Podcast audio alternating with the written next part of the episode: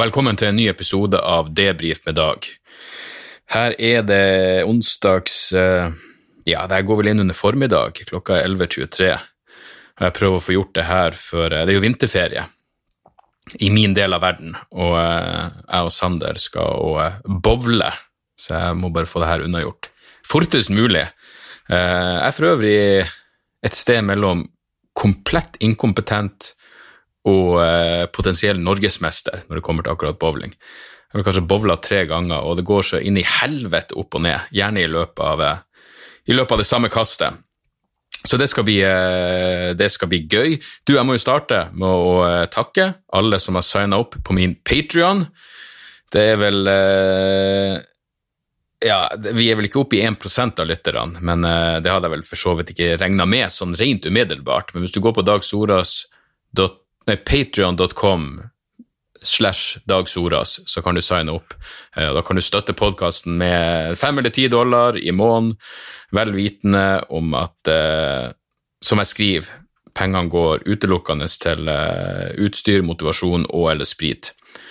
Men takk til dere som har signa opp, og de som har signa opp, har jo allerede fått en bonus. De har fått lydfilen av helgas roast av Jon Arne Riise som, eh, som var absolutt, absolutt gøy. Det var eh, Jeg, jeg storkosa meg, eh, det, og det var, det var, ingen som, som tryna, og det er oppriktig talt en, en, jævlig god følelse. Det er bestandig kjipt hvis en person eh, bomber når, når, det går bra med, med, alle andre. Og jeg har vært den som har bomba også, for all del. Men, men, men ja, nei, denne, denne kvelden var, var finfin. Uh, og jeg var litt sånn uh, Jeg vet ikke. Jeg, jeg, hadde bare en sånn dag hvor jeg Jeg har dager hvor jeg føler meg Altså I det store og det hele så er jeg sosialt uh, oppegående og relativt sosialt komfortabel, men jeg har dager hvor faen meg det å gå på det å gå på butikken, selv i den selvutsjekkekassa, er et tiltak. Uh, og denne fredagen var så absolutt en av de dagene. Men, uh, men alle var hyggelige. Det var et par folk som var med som jeg ikke hadde som jeg ikke kjente noe, noe særlig fra før av. Det er bestandig en merkelig følelse å skal Sånn som med Jon Arne Riise, jeg har selvfølgelig aldri truffet han før. Eh, oddsen for at jeg skal treffe han igjen, er jo også minimal. Men, eh, men det, det, er rart å aldri ha snakka med noen før, og noe av det første jeg skal gjøre, er å si de verst tenkelige tingene til dem. Eh, og bryte isen på den måten. Jon Arne Riise, kom igjen! Det er litt sånn vanskelig å si navnet hans uten å himle med øynene og kaste opp inn i munnen sin. Men eh, Jeg vil tro du har mye familie og, og venner her i kveld. Jeg kødder. Men jeg tror tror seriøst at det er mange fotballfans her i kveld, så, eh, så jeg skal holde fremmedordene til et minimum. Um, men er Stian Blipp har bevisst han bak å komme seg langt her i verden med masse sjarm og null talent sa Jon Arne bevisst at du kan komme seg et stykke her i verden med litt talent og null jævla sjarm. Eh, det er klart, det var, det var, rødt fra begynnelsen av. Du ble født stokk dum med rødt hår i Ålesund. Du ble servert et kinderegg av Guds hat fra første jævla øyeblikk. Men som jeg sagt før, det er derfor jeg elsker Rose-konseptet. Fordi man er så jævlig mot hverandre som eh, Ja, det er kun kreativiteten som setter begrensninger på hvor, hvor jævlig du kan være. Um, og så er alle venner etterpå. Så går man ut og tar en øl. Det er derfor jeg liker når det er sånn etterfester. Uh, I dette tilfellet så var det jo ikke akkurat min type etterfest, uh, men, uh, men, det får nå så være. Jeg tok et ganske gøy bilde som jeg la ut på, på Instagram, hvor jeg Det var et bilde av Lars Berrum, Jon Arne Riise og en tredjeperson som jeg trodde var manageren til Ørjan Bure. Så jeg skrev Lars Berrum, Jon Arne Riise, manageren til Ørjan Bure, hvordan var din fredag? Og så fikk jeg faktisk eh, for bare et par timer siden melding på Instagram fra Ørjan Bure, og der står det bare er ikke min manager, men sikkert rett i din verden. Tommelen opp. Uh, og da svarte jeg du får ta det med han som ikke er manageren din, men snakke som om han er det. For øvrig svært komfortabel med å leve i en annen verden enn deg, sør. Eh, hvorpå Ørjan igjen svarte han om det. Så der, eh, der satte jeg meg jo på plass. Jeg vet ikke om fyren er fuckings Bure sin manager. Han var nå der. Jeg tror i hvert fall han er Johan Riise sin manager, og så har han vært Ørjan Bure sin manager tidligere. Men er det så, er det så jævla nøye? Alt han fyren gjorde, var å prate om Ørjan Bure, så det var vel lov å Lov å ta feil der. Uansett, det var eh, fredagens roast. Eh, veldig gøy. Og så, eh, lørdagen, var det opp uh, altfor tidlig altfor jævla tidlig for å komme til Myre. Og det regner jeg med eh, du må google hvis du skal plassere på kartet. Det er om det er nord, sør, øst eller vest for Stokmarknes, må faen vite, men jeg fløy i hvert fall til Stokmarknes. Og for å komme seg dit, så må du først til Bodø, og så sånn Widerøe-fly videre til, til Stokmarknes. Jeg husker sist gang jeg fløy Bodø-Stokmarknes, så var det med så var det med hele Norges Jan Tore Christoffersen, og da var det en av de stormene med et truende kvinnenavn. Det er kanskje fem-seks år siden. Og Da husker jeg at jeg og Jan Tore satt uh, Vi hadde vært i Bodø, og så skulle vi fly videre til Stokmarknes. Og været var altså så inn... Altså, vi satt selvfølgelig i baren på flyplassen i Bodø og prøvde å, å mote oss opp til den kommende flyturen. Og jeg husker Vi så på den tavla over avganger, og alt ble kansellert. Kansellert, kansellert, kansellert. kansellert. Det eneste som sto igjen, var vårt jævla fly til Stokmarknes. For det skulle gå uansett. Og den flyturen var altså, til dags dato, det mest intense eh, og på å si luftbårne opplevelsen jeg noen gang har hatt. Det var altså en helt latterlig Jeg husker at eh, selv han ene jeg tror det var han flyverta begynte bare å flire underveis. vi ble advart på forhånd om at det kom til å bli røft, men, men altså, det var en turbulens som var så hinsides. Det var faktisk så jævlig at folk begynte å snakke med hverandre. Altså folk som ikke kjente Jeg husker under innflyginga så var det en fyr som eh, For Jan Tore var jo absolutt ikke kokrolig han heller. Men uh, under innflyginga så var det en fyr som satt bak oss, som sa at som sa til han ved siden av seg, så sa han eh, oh, jeg er så jævlig glad jeg ikke har flyskrekk, for jeg er livredd. Og da snudde Jan Tore seg. Jeg har flyskrekk, hvordan i faen tror du jeg har det? Nei, det var, det var en helt sinnssyk innflyging, og at vi overlevde det der, er jo helt utrolig. Og vi var jo, vi var jo faen meg maurings når vi gikk om bord på det flyet, og allikevel så var jeg søkkvåt av svette når jeg kom av. Så, eh, så mye for at alkohol døyver nervene dine. Jeg husker når vi gikk av flyet, Altså, det, det, det rista jo i flyet når vi sto parkert på bakken, men da var det en gammel gubbe. Vind bare tok han, og han forsvant. Jeg vet ikke om de fant han igjen, men han bare rulla bortover rullebanen. Uh, og en av de jævla Widerøe-ansatte måtte bare springe etter han og, og hanke han inn. Nei, det var intense saker. Og hvis du har vært i Stokmarknes, så vet du at det er en bru rett, rett, i nærheten av flyplassen som du må over for å komme deg til, til byen eller byen, eller hva enn det nå er, jeg ser ikke bystatus. Uh, den var stengt. Brua var stengt. Flyet landa, men brua var faen meg stengt. Så uh, det var, vind, var for jævlig til at biler kunne kjøre der. Men, men fly, det gjorde vi, og ære være Widerøe for, for, innsatsen. Men uansett, atskillig roligere tilstander denne gangen, selv om formen min var jo i høyeste grad skjelven.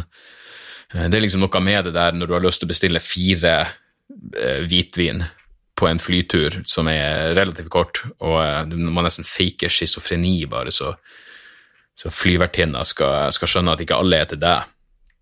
Men eh, det var nå greit. Jeg kom frem, eh, ble henta.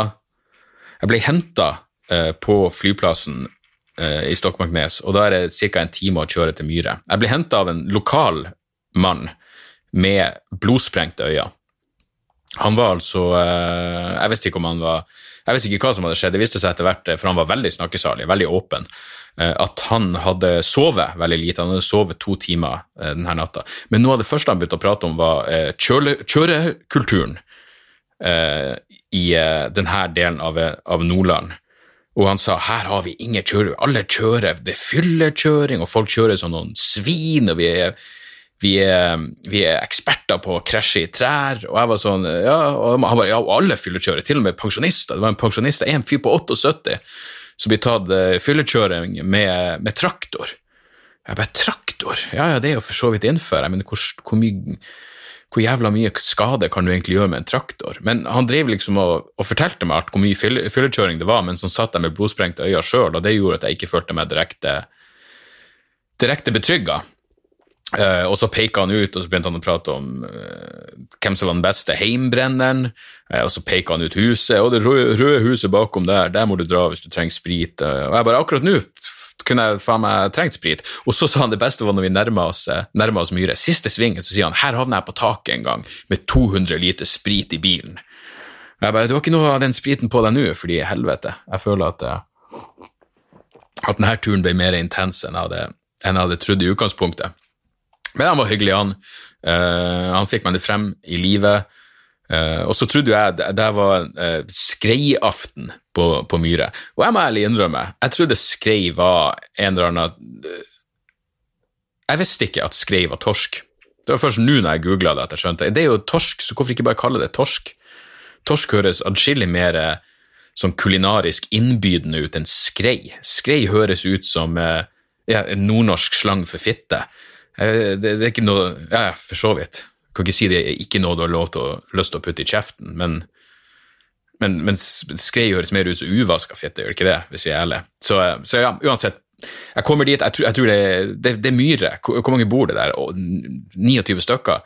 Så jeg regner jo med at det her, er, det her er et lite lokale. Nei, nei, det er jo et svær jævla idrettshall. Banketthall med jævlig mye bord og skikkelig stasig innredning og svær scene. Eh, så da ble jo det her plutselig litt mer eh, Shit got real! Så jeg tenkte ok, fuck, da, da er det her noe annet enn det jeg hadde forventa. Det her er jo ikke low-key i det hele tatt. Og jeg skulle liksom være konferansier gjennom denne kvelden, som betyr at du skal på og av, av flere ganger. Men, men det gikk fint viste seg at eh, Terje Sporsem var der. Han hadde vært der hele festivalen. Eh, fordi han er jo veldig eh, Han har blitt kjent med de folkene som, som, driver denne festivalen, og er jo veldig opptatt av mat og restauranter og, og greier. Så, eh, så, han var der. Han hadde vært eh, konferansier på torsdagen i, i, på den samme scenen, og så, og så var han eh, med på arrangementet på lørdag, så det var hyggelig å ha noen å, å jobbe med backstage. Um, og uh, showet gikk det, Alt det der gikk, gikk fint. Jeg kom jo på mens jeg, mens jeg var der, at eh, jeg har jo faen meg Det her var jo skreiaften, men jeg har jo vært med på eh, VM i skreifiske oppe i Svolvær i 2017. Eh, For da var jeg med på et sånt innslag på det som da heter Ja, det som da heter Det heter The Stian Blipp Show. Um, og, og, greia var at Hør her, jeg, jeg, er, jeg er ikke en havets mann for å si det jævlig mildt. Uh, liksom, jeg, jeg, pleier å kødde, men jeg, jeg, jeg, blir, blir kvalm på danskebåten før den har lagt fra havn, og jeg kan få antydning til sjøsykhet av å ta et bad. Så, så det å skulle være med ut på uh, skreifiske, det, det bydde meg imot. Men så var greia at jeg uh, kunne få inn jævlig mye penger. altså Vi skulle få betalt uh, etter hvor mange kilo fisk vi fikk inn, og potensielt var det snakk om noen hundre tusen. Og de her pengene skulle gå til et veldedig formål som jeg fikk velge. Og da tenkte jeg ok, jeg burde jo nesten gjøre det her bare av moralske grunner, og så kan jeg jo samtidig få effektiv altruisme opp på agendaen, for jeg hadde lyst til å gi pengene til en organisasjon som heter Give Well. Eh, men uansett, eh, selve skreifisketuren var jo et, eh, et mareritt, et helvete av dimensjoner, fordi det var så inn i helvete mye bølger. Og jeg må ikke skjønne, det, det er få ting som Altså, jeg, jeg, jeg, husker ikke altså, Jeg grua meg altså noe så inn i helvete til å gjøre det her. Fordi det er noe med det å, å, å ikke være komfortabel på havet. I tillegg så er det jævlig høye bølger. I tillegg så blir det filma så du føler et press. I tillegg er det masse Det er en hel produksjon som du er avhengig av at skal gå bra. Og I tillegg så vet jeg at når vi først er gått ut på havet, så blir vi der i timevis.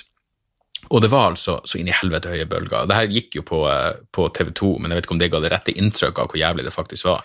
Uh, og jeg husker bare når jeg så utover horisonten og bare så det ene fuckings Captain Ahab-marerittet som, som venta oss ute på, ut på, havet der. Og det var, det var, helt latterlig høye bølger. Det var så ille at han, kapteinen fortalte jo at det var mer, mer å si, rutinerte fiskere som bare hadde gått tilbake til land. Eh, men vi var jo der ute, faen meg en fire, fem, seks timer.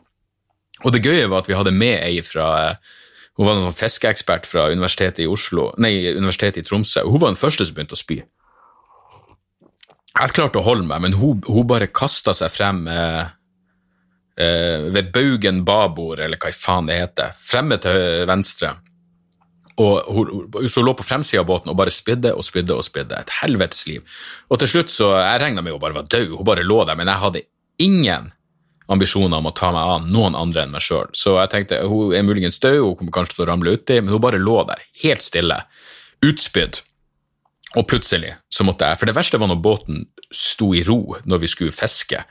For, for da kom liksom bølgene fra sida, og det var helt forbanna grusomt. Du måtte jo faen meg holde deg fast for å ikke flakse over. Men i hvert fall da, til slutt så ble det for mye for meg, så jeg, jeg, begynner, jeg gir meg over langsida og begynner å spy. Og bare elger ut av helvete. Spyr et par runder, og så hører jeg at hun dama hun begynner å spy igjen, hun som ligger på kortsida. Uh, da setter hun i gang igjen, og det gjør jo at jeg setter i gang igjen. Og det var en, en, en, et herlig jævla orkester av, av, oppkast.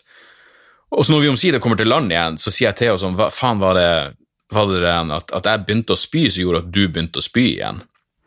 Og hun, bare, hun skulle ønske det var det som hadde skjedd, men det som hadde skjedd, var jo at mitt spy flaksa gjennom lufta, traff hun i trynet, som igjen, forståelig nok, gjorde at hun måtte spy på nytt igjen. Så eh, ja, nei, det var et, et helvetes jævla liv, men vi fikk inn eh, bra med penger til en eh, veldedig, eh, effektiv altruismeorganisasjon. Så ja, så sånn var det. Det var, det var min lørdag, og jeg tok relativt tidlig kveld rett tilbake på hotell, hotellmotellet, eller hva faen det var de hadde på, på Myre. Og så um, satte jeg på Terje tilbake til Evenes lufthavn. Vi fløy tilbake fra Evenes, og uh, han hadde leiebil, og så kom jeg meg hjem. Og digg var det. Så det var mi helg. Um, utenom det Du, jeg hørte faen meg en um, Jeg hørte en podkast som uh, Jeg vet ikke, den, den var litt forstyrrende. Podkasten heter Reset, og episoden heter Pornhubs Moderation Problem. Um, og her er greia, Pornhub er jo bra. Det er det jo ingen tvil om. Men jeg, av en eller annen grunn så trodde jeg at de hadde eh, kontroll på Altså, eh, jeg vet ikke, det her var jo åpenbart naivt av meg, men jeg trodde de hadde kontroll på eh, at det i hvert fall var en viss grad av samtykke i de videoene som blir lagt ut. Men det er visst noe som heter Girls Do Porn. Det er jo et ganske generisk navn, så jeg må ærlig innrømme at jeg ikke i utgangspunktet var kjent med franchisen. Men Girls Do Porn er sånn Å, det her er den første uh, uh, pornovideoen til, til denne unge fruen. Og, og, i de fleste tilfellene så er jo sånne ting eh, bullshit, og det er virgin gets fire Ja, ja, virgin, absolutt. Men i dette tilfellet så, så virker det som om det stemmer at, at det er damer som for første gang eh, puler foran kamera. Men de har jo blitt, uh, i hvert fall ut ifra de eksemplene og intervjuene som er i denne episoden, så er det jo ganske horrible Altså, her er det damer som blir lurt. Altså unge college-studenter, 18 år gammel, kanskje ikke den skarpeste jævla øh, skalpellen i skuffa, som, um, som, blir lurt til å møte opp fordi det er noen modellmulighet. Og så Det første som skjer, er at de kommer i ei liten leilighet, og de blir proppa full av både sprit og eh, marihuana. eh, for å sløve motstandskraften, går jeg ut ifra. Og så, eh, og så kommer det bare inn en fyr og sier at han skal pule dem, og så låser de døra, vi snakker. I det her tror jeg de sier spesifikt at de setter en stol foran døra. Og så hadde de på forhånd fått beskjed om at eh, jeg vil møte å pule denne fyren, men det skal kun havne på DVD-er, ingen blir å se det. Og så ligger de jo med han, og graden av samtykke kan jo i høyeste grad diskuteres. Og i tillegg så havner det selvfølgelig rett ut på nettet. Så livet deres er jo eh, på mange måter Eh, ødelagt. Og det her er jo jævlig forstyrrende. Eh, for det er jo absolutt en type eh, video jeg kan havne over. Så jeg måtte gå inn på og finne det Girls Do Porn og rett og slett Det er en røff oppgave, mine damer og herrer, å gå igjennom absolutt alle videoene med den taggen for å finne noen damer som virker utilpass. Eh, nei da, Eh, det er ikke der min prioritering ligger. Eh, men eh, ja, nei, jeg, jeg vet da faen. jeg synes Det var, også var det, det som er interessant og, og, creepy med det her, er jo at det, det, viser jo at Pornhub har det samme ja, nettopp, som det heter i tittelen, moderation problem, som Facebook og alle de der. Fordi La oss si du er en av de damene i videoen, eller um, du bare vet at det her er ikke, her er ikke etisk forsvarlig porno, uh, så kan du rapportere inn videoen, og så blir den kanskje tatt ned av porno, men det kan jo lastes opp igjen. Og hvis du i tillegg bare forandrer, for det har de gjort i denne podkasten, de har forandra litt på videoen, eller tatt bare et klepp, uh, liksom legge ut en 30 sekunders versjon av det kleppet, det blir ikke tatt ned. Legg på litt musikk, det blir ikke tatt ned. Du kan bare tweake videoen litt, forandre litt, og så blir den ikke det, det, fingeravtrykket som den opprinnelige videoen har fått. Den har fått et fingeravtrykk som har registrert den som eh, eh, ikke kosher, eh, og eh, at den skal automatisk tas ned, men hvis du bare forandrer litt på den, så, så funker ikke det, det fingeravtrykket. Så det var jo eh, Ja, nei, det, det, det blir som med, ja, som, som, som med, YouTube og Facebook og alle de der som bare har sinnssykt store mengder med innhold, så er det veldig vanskelig å, å moderere akkurat det, akkurat det innholdet. Så uh, Skrevet ned par Har jeg sett noen nyhetssaker? Ja, gøy at uh, speiderne i USA har måttet slå seg konk nå. Boy Scouts of America har slått seg konk. De må slå seg konk, og uh, pengene skal gå til uh, å betale ut uh, søksmål for seksuelle overgrep Faen meg tilbake til 60-tallet og mange av sakene er fra 80-tallet, og det har åpna opp for at uh, rett og slett flere kan, uh, kan saksøke. Og Speiderne er vel en kristen organisasjon, jeg bestandig syns det er en sånn merkelig greie. Og det er klart, Speiderne hadde vel slitt med rekrutteringa i utgangspunktet, men jeg tror ikke de her søksmålene med bakgrunn i seksuelle overgrep hjelper på rekrutteringa. Det er klart, speiderne, det er noen positive aspekter. Det er kjekt å lære å sette opp et telt, men om prisen for å lære å sette opp et telt og spikke er en penis i munnen, så må man jo gå en runde med seg sjøl på om det faktisk er, mm, er verdt det. Så så leste jeg også en artikkel om eh, Joe Biden, og bare hvor gjennomført grusom Joe Biden er. Jeg mener, Hvis han, hvis han blir demokratene sin presidentkandidat, så kan vel det partiet bare fuck off én gang for alle. Uh, for ikke, det, det, De tingene de fokuserer på med Joe Biden oh, han tar på håret til folk, han virker lettere dement. Hva, hva er slags kritikk? Oh, la oss kritisere Hitler for at han snubla en jøde i barndommen. Det, det, det er ikke der skoen trykker på Joe Biden. Det er vel den, den politikken han har støtta opp Spesielt Irak-krigen. Jeg visste ikke at han var så instrumentell i, uh, i uh, akkurat invasjonen av Irak i, i 2013. Han var jo han leda jo, Senatet hadde en høring om potensiell krig, og Biden fikk velge ut alle vitnene. Uh, Biden var leder for Senatet sin utenrikskomité, så når Senatet skulle ha en høring om en potensiell krig, så fikk han velge ut alle de vitnene, og han valgte stort, stort sett eh, krigshissere folk som støtta krigen. Og Joe Biden var en av de som drev og spredde løgnene om at eh, Al Qaida får å vandre rundt i Irak, og dermed har Irak noe med 9-11-angrepene å gjøre. Total, ren jævla løgn. Bin Laden og Saddam Hussein var ikke venner. Uh, ironisk nok, det at Joe Biden drev og sa at Al Qaida trør rundt i Irak, det ble jo en realitet som et resultat av krigen. Det var ikke noe Al Qaida i Irak, men etter at USA invaderte, så ble det faen meg Al Qaida i Irak. Obama sa det jo sjøl, IS er et resultat av Al Qaida i Irak, som igjen var et resultat av invasjon. Så Biden har bare fucka opp kronologien litt her, men, eh, men han var inne på noe når han sa det Al Qaida i Irak. Fy faen, for en liten krigshissende Nostradamus gode, gamle Joe er. Det, det, det, det, er helt, er helt utrolig, liksom. Så ja, fuck den grusomme jævelen, for ikke, for snakke om eh, For ikke snakke om eh, hans ansvar for uh, Skjedde noe med opptaket der?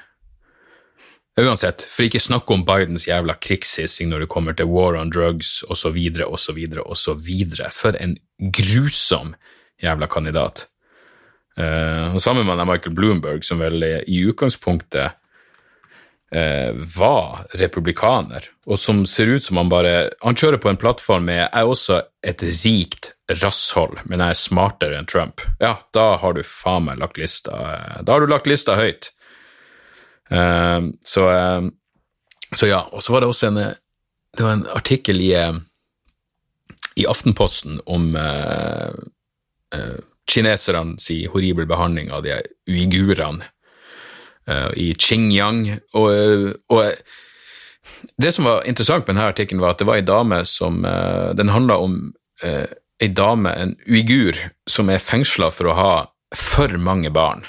Og i, igjen, i, gjennomgående i artikkelen så nevner de liksom Ja, nei, og så ble hun tatt for å ha for mange barn. Men de sa ingenting om hvor mange unger hun hadde.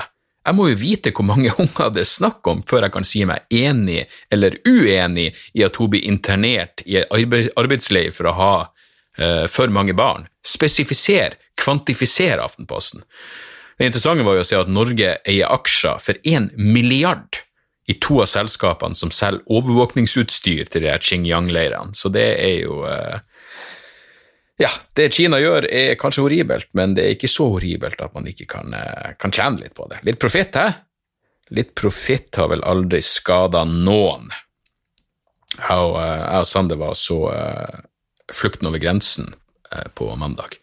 Ganske fin film. altså, det her er vel den første filmen på lenge jeg har vært og sett Nei, det er det faen ikke, men det er den første barnefilmen jeg har vært og sett på lenge sammen med Sander. Eh, jeg og Sander var jo så Terminator, Dark Fate og Aquaman og alt det der, og da, da sovna jeg ikke. Men vanligvis så sovner jeg under de barnefilmer. Men den her var, jeg likte den, den var fin.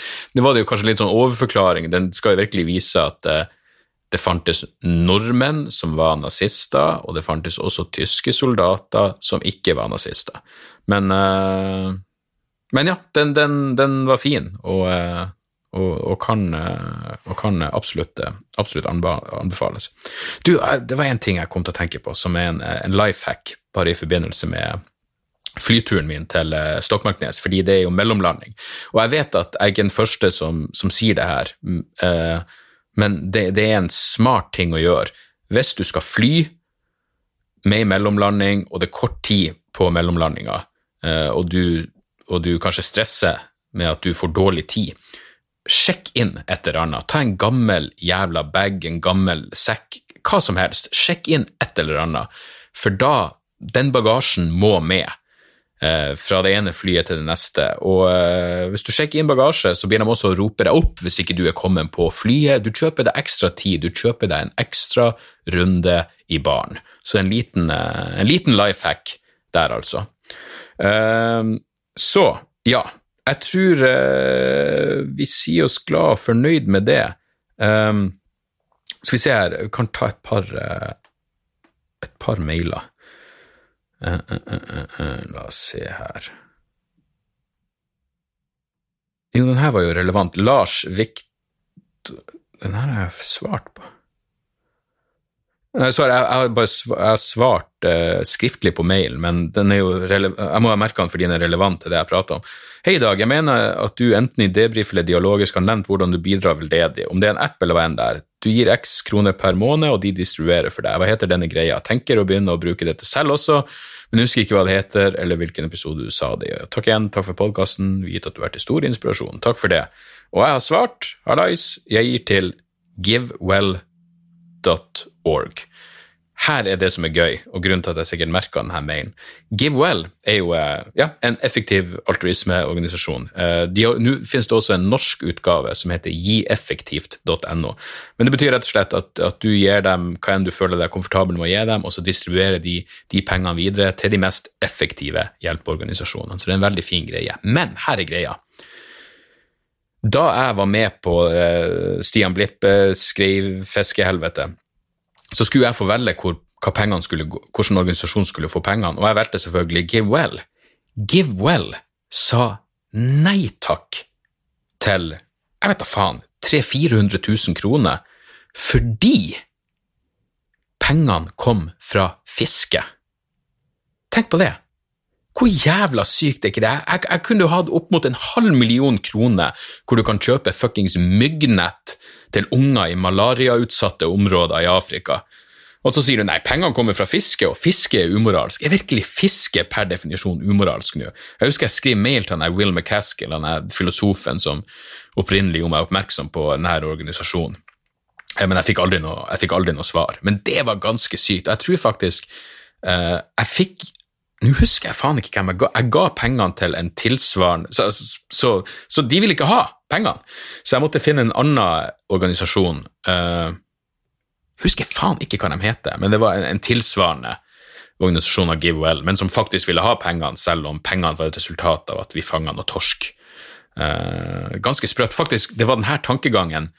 Uh, I demokratishowet mitt så har jeg en vits om at uh, Barnekreftforeninga ikke ville ta, ta, imot penger fra mannegruppa Ottar, hvor liksom poenget mitt er at penger er nøytralt. Ta penger fra rasshold og bruke det på noe positivt. Opphavet til den vitsen var egentlig at GiveWell ikke ville ha fiskepengene.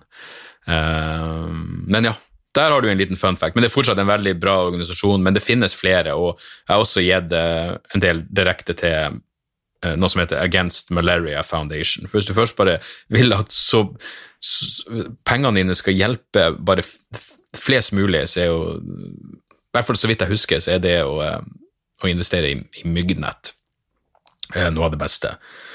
Noe av det beste du kan, kan gjøre. Uh, uh, skal vi se her Skal vi se Svein Sk... Det var faen meg et navn. Svein SKBMXNO. Ja, skriver uansett, Svein skriver Hei, skal holde dette kort. Stor fan, gleder meg masse til vrangforestilling i Trondheim, og jeg skal bli Patrion snarest. Takk. Hørte akkurat siste podkasten og ville bare si to ting. Hvis du liker Snowpiercer, så vil jeg også anbefale The Host med samme regissør. Parasite er kjempebra, så gleder jeg til den. Fortsatt ikke sett den, men faen, det skal jeg få gjort. The Host har jeg sett, det er jo det sjømonsteret, er det ikke det? Den var Jeg husker ikke den så jævlig, jeg husker den som underholdende, men eh, ikke i nærheten av like tankevekkende som, eh, som Snowpiercer. Men uh, takk for tips. Så skriver Svein videre, morsomt at du nevnte både Mylene and The Sons of Disaster og Deliverance når du snakket om banjo. Hvis du befinner deg på YouTube, se musikkvideoen deres til sangen Step Up, I'm On It. Der parodierer de Deliverance. Digger også det bandet, synd de ble inaktiv etter at vokalisten havna i koma. Hilsen fastlytter. Vokalisten havna i koma, ja. Ja, da er det jo faen ikke rart at det har vært stille på den fronten eh, ei stund. Men eh, takk for den eh, Takk for den oppklaringa. Eh, Og så her? Her er en annen Svein. Svein Hegerberg. Eh, anger og kvelertak. Hei, Dag, og tusen takk for landets beste solopodkast. Jeg ble stor fan av deg via den podkasten jeg hører mest på, nemlig Anger med Sivert Mo. Og jeg vet jo at du er kvelertak-fan, og vil egentlig bare anbefale siste episode av Anger, siden det er et intervju med Ivo Nikolaisen, ny vokalist i Kvelertak. Aldri har jeg hørt en bedre samtale med en musiker. Er det muligheter for at du skal tilbake til den podkasten, og hva synes du om det nye Kvelertak-albumet?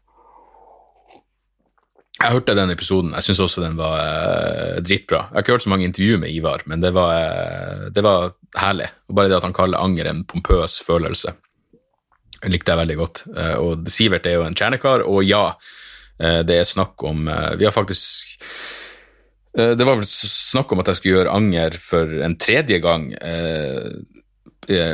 på slutten av fjoråret. Men så spurte jeg om vi ikke kunne vente til jeg hadde noe å promotere nemlig vrangforestillingsshowet mitt. Og det har jeg jo nå, så eh, jeg traff vel Sivert på The Good Band The Søgli-podkasten, så vi skal bare finne en dato, så eh, får vi det til. Nye Kvelertak, jeg elsker det.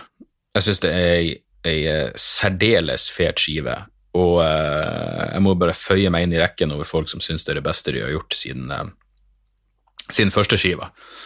Det, det er så dritbra. Bjarte er jo et fucking geni. Um, ja, jeg, jeg syns den er helt nydelig, og jeg, jeg liker de eksperimentelle eh, låtene jævlig godt. og, og Delirium-låta er jo som eh, nettopp eh, den tilstanden. og ja, nei, De er, de er fantastiske. Skal se, skal se Kveldtak i kveld, faktisk. på De har release-konsert på, eh, på Parkteatret. Så eh, ja, nei. De er, de er helt geniale, og i, i like med Sivert så må jeg jo bare skåle for Ivar, at han er med på to av de Det som kommer til å bli to topp ti-skiver eh, i eh, 2020. Både Good Band Søgli og Kvelertak-skiven er jo gull. Men eh, ja, nei, helvete. Og det, det er så digg med jeg, jeg, var ikke noe stor fan av produksjon på Nattesverd, den forrige Kvelertak-skiva, men uh, nå, eh, når de er tilbake i God City, så høres det faen, det, det, det, det er jævlig fet lyd, og jeg, jeg, har kjøpt den på vinyl og, og alt det der, så ja, nei, digger det nye Kvelertak. Herlige folk og et herlig band. Uh, ja, da skal jeg komme i retning en bowlinghall, så uh, hadde jeg noen tips. Jeg hadde vel egentlig, ja, jeg hadde Kveldtak, selvfølgelig. Splid av Kveldtak. Sjekk den ut, for faen. Det er noe åpenbart mange har gjort. Uh, den har jo faen meg høsta nydelige kritikker overalt, og uh, fullt fortjent er det. Et annet platetips, og det er et band som heter Godt Rym. G-O-D-T-H-R-Y-M-M. Skiva heter Reflections, og det her er, hvis du liker Paradise Lost, gammel altså det er Det er vel to tidligere medlemmer av My Dying Bride, uh, og det er et helt nydelig Doom-album. Fuckings optimalt. Så hvis tanken på tom og seig musikk à la gammel Paradise Lost uh, uh, pirrer ditt underliv, så er det her virkelig, virkelig for deg. Dritfet skive. Anbefales på, på, det varmeste.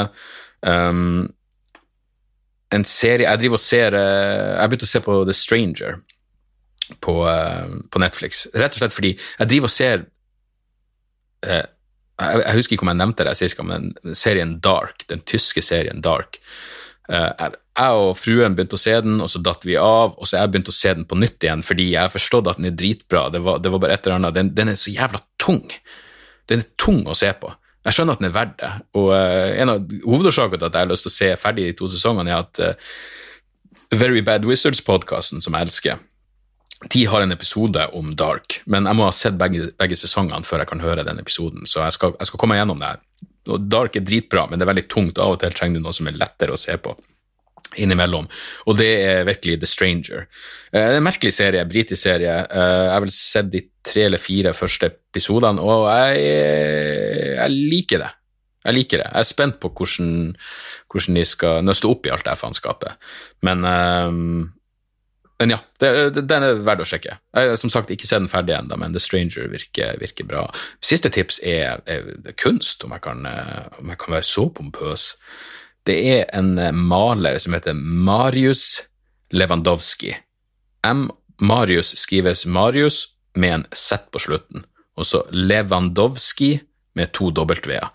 Han er en eh, Jeg tror han er en polsk maler som altså lager Han lager eh, primært bandcover, tror jeg. Altså, han har laga cover for Eh, Bellwitch, den fantastiske Doom-bandet. Han har laga til Abigail Williams i siste skiva, jævlig fet black metal-skive. Han har laga til Fuming Mouth, som er jævlig fet hardcore-skive. Men det som er så kult med, med hans maleri, er at det er vilt forskjellig si, tematikk i dem, men du ser med en gang at det er han som har malt det. Altså Selv om motivene er vilt forskjellige, så ser du med en gang bare i fargene og stemninga at det er han som, som har lagd det. Så, så, ta og google Marius Lewandowski art, og eh, han har også en, en Instagram-konto. Faen, det han lager er, er, jævlig bra og jævlig stemningsskapende. Så eh, ja, vel verdt å sjekke.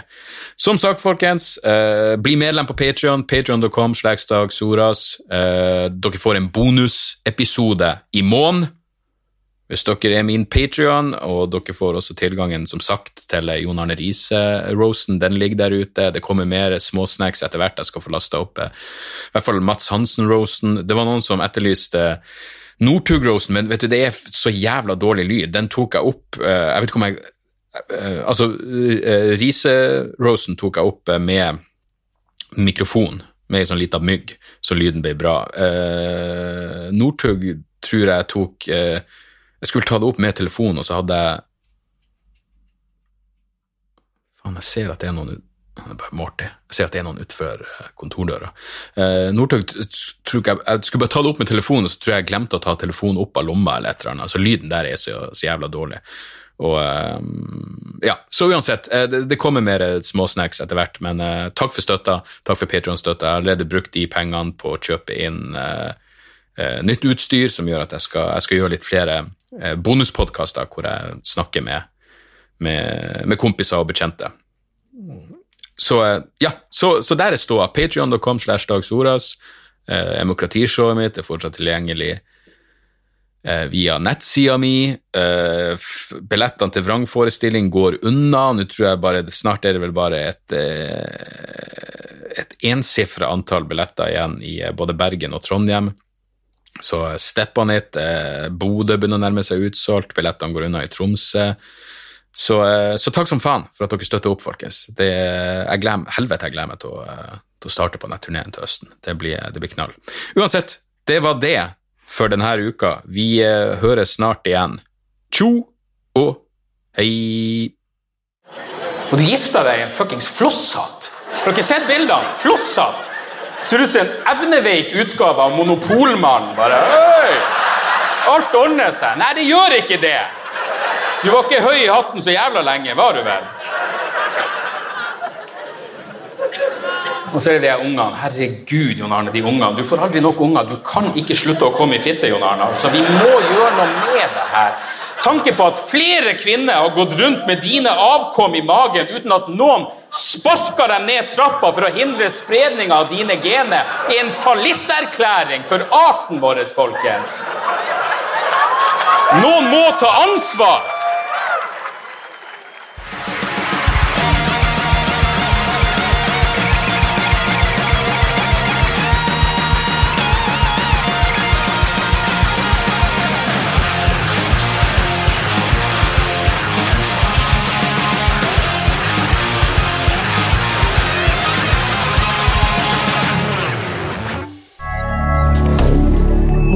Media.